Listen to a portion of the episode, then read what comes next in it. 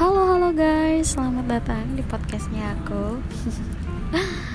Podcast yang kadang gak aja ya Tapi buat kalian yang lagi boring Atau buat kalian yang lagi kesepian Mungkin kita bisa sharing Sama aku.